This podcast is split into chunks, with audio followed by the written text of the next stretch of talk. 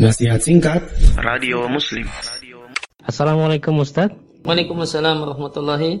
Ustadz, bolehkah bagi seorang janda Ustadz untuk mengetahui atau bertanya tentang keperkasaan laki-laki yang akan melamarnya Ustadz? Ya mohon nasihatnya Ustadz Ya, seorang uh, calon uh, pengan, uh, calon perempuan, calon pengantin perempuan uh, menanyakan bagaimanakah kondisi ranjang dari calon pengantin laki-laki. Ya maka apakah ini satu pertanyaan yang boleh ditanyakan? Jawabannya boleh. Ya, sebagaimana yang sedang kita bahas bahasanya problem keperkasaan dalam masalah hubungan biologis itu nanti bisa jadi alasan pembatalan pernikahan. Maka daripada terjadi di belakang disesali di belakang kemudian di cross dan ditanyakan di depan ya satu hal yang boleh jadi lebih baik.